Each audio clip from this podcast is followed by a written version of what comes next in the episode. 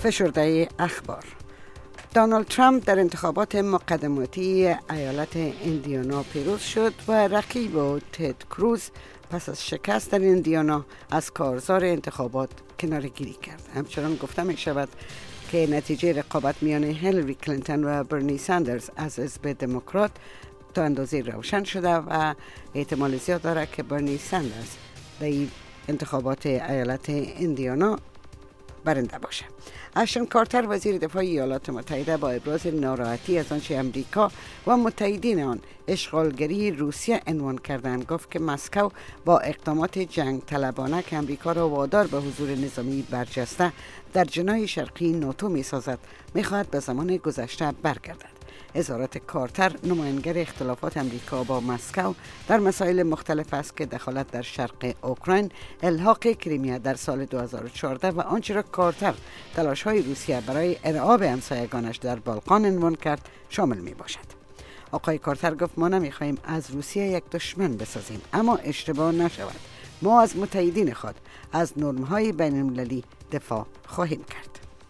جان کری وزیر خارجه امریکا گفت کشوری که در آن آزادی مطبوعات وجود ندارد نه چیزی برای گفتن دارد و نه جهان از آن چیز می آموزد آقای کری که به مناسبت روز جهانی آزادی مطبوعات در وزارت خارجه امریکا صحبت می کرد گفت که خطاب به او افرادی که دست به ارعاب خبرنگاران زده و یانان را زندانی می کنند باید به صدای بلند و واضح بگوییم که متعهد بودن, متعهد بودن و گزارشدهی در مورد حقایق خبر دادن جرم نیست بلکه نشانه ای از افتخار است.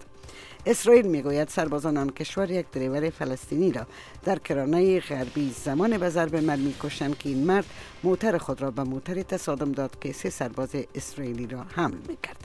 جراحات یک از سربازان وخیم عنوان شده است. این در حال است که یک محکمه در تل روز سه شنبه مهاجم اصلی در قتل یک نوجوان فلسطینی در سال 2014 را به حبس ابد محکوم کرد. آن واقع منجر به سلسله حوادث شد که به جنگ غزه در آن سال منتج گردید.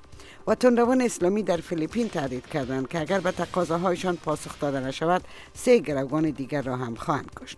گروه ابو سیاف که هفته قبل یک گروگان کانادایی را سر برید روز سه شنبه یک نوار ویدیویی را نشر کرد که در آن یک گروگان کانادایی یک تبعی نروژ و یک فیلیپینی با التماس و زاری از حکومت های کانادا و فیلیپین می‌خواهند تا به تقاضای گروه ابو سیاف که خواستار مبالغ انگفت در بدل رهایی گروگان ها می باشد پاسخ دهند. جستین ترودو صدراعظم کانادا در حال که از کشته شدن یک از بایان کشور.